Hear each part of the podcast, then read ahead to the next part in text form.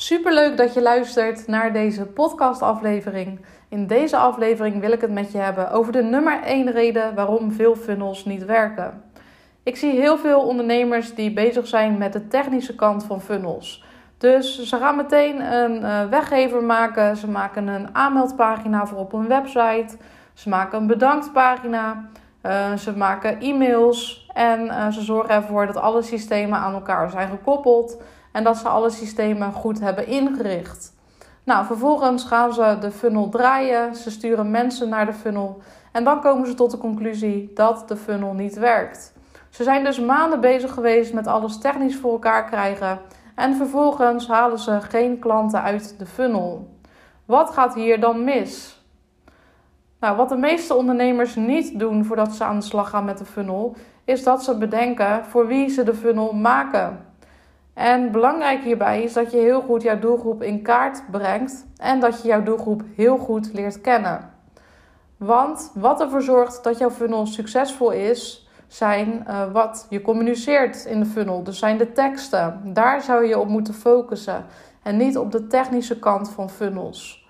En om ervoor te zorgen dat je goede teksten schrijft in je funnel, die jouw doelgroep ook daadwerkelijk aanspreken, moet je eerst beginnen met doelgroeponderzoek.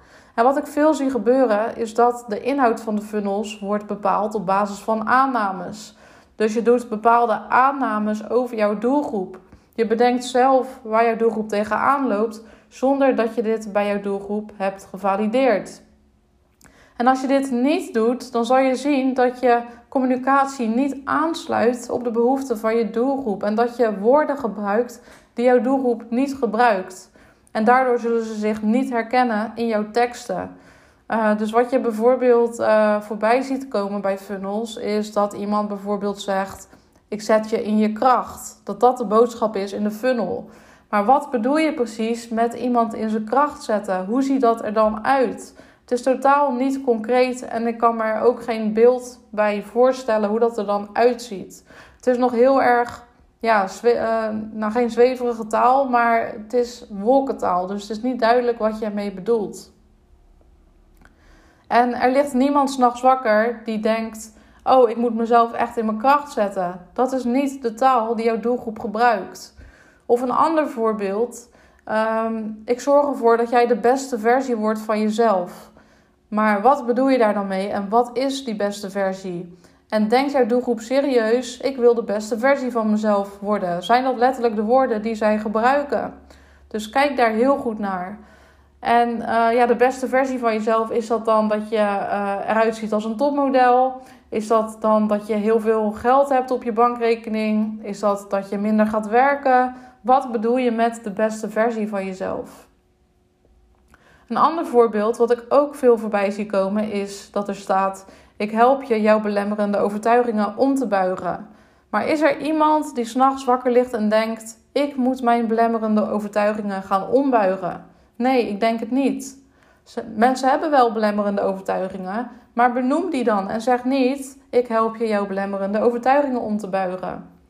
Maar benoem dus echt de specifieke overtuigingen die zij hebben. Bijvoorbeeld uh, ik ben het niet waard om veel te verdienen. Of uh, ik ben nog niet goed genoeg. Ik moet eerst nog een opleiding volgen om klanten aan te trekken. Dat kunnen overtuigingen zijn die jouw doelgroep heeft. Dus gebruik dan die taal. Maak het specifiek. En dan als laatste voorbeeld is: uh, ik help je om weer in balans te komen. Wat bedoel je met in balans? Is dat dan dat je een weegschaal gaat balanceren? Uh, is dat dat je uh, je werk- en privébalans uh, voor elkaar wilt krijgen? Welke balans bedoel je precies? Dus ook dat is nog geen duidelijke klantentaal. Hoe kun je er nou achter komen welke woorden jouw doelgroep gebruikt? De enige manier om erachter te komen is door doelgroeponderzoek te doen, door in gesprek te gaan met jouw doelgroep. Dus kijk eens of je uh, ja, mensen in jouw doelgroep kunt vinden die openstaan voor een vrijblijvend gesprek, voor een onderzoeksgesprek. Je kan bijvoorbeeld een oproepje plaatsen in een Facebookgroep waarbij je aangeeft dat je bezig bent met doelgroeponderzoek en dat je op zoek bent naar bijvoorbeeld 10 mensen uh, die even 15 minuten zouden willen bellen. En in ruil daarvoor geef je ze een beloning. Bijvoorbeeld jouw twee beste tips over jouw onderwerp. En op die manier kom je dus in contact met jouw doelgroep. Uh, wat je ook zou kunnen doen is um, ja, dat je bijvoorbeeld een enquête uitstuurt, maar dat is al een wat minder goede manier, omdat je dan niet goed kunt doorvragen. Dus de beste manier is echt om gesprekken te gaan voeren.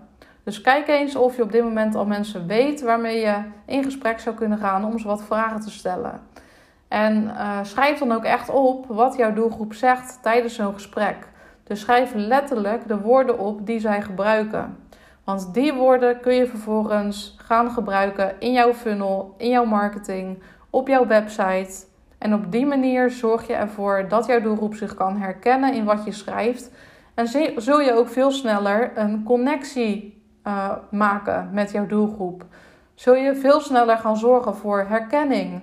En denkt jouw doelgroep: wow, jij kan in mijn hoofd kijken, jij begrijpt precies waar ik tegenaan loop, jou heb ik nodig. En dat effect wil je creëren. Dus ga jouw marketing niet baseren op aannames, maar doe eerst een goed doelgroeponderzoek, zodat je op basis van dat onderzoek kan bepalen wat je gaat communiceren in jouw funnel. En als je dit goed gaat toepassen, dan zal je zien dat je funnel veel meer gaat opleveren. En wat goed is om te weten is dat je een doelgroeponderzoek niet eenmalig doet. Het is eigenlijk echt een doorlopend proces. Je wil continu in contact blijven met jouw doelgroep. Je wil continu kijken wat er speelt bij je doelgroep. Dus je wil dat doelgroeponderzoek ook meerdere keren gaan herhalen. En jouw bedrijf is ook in beweging. Jij bent zelf ook in beweging. Jij groeit.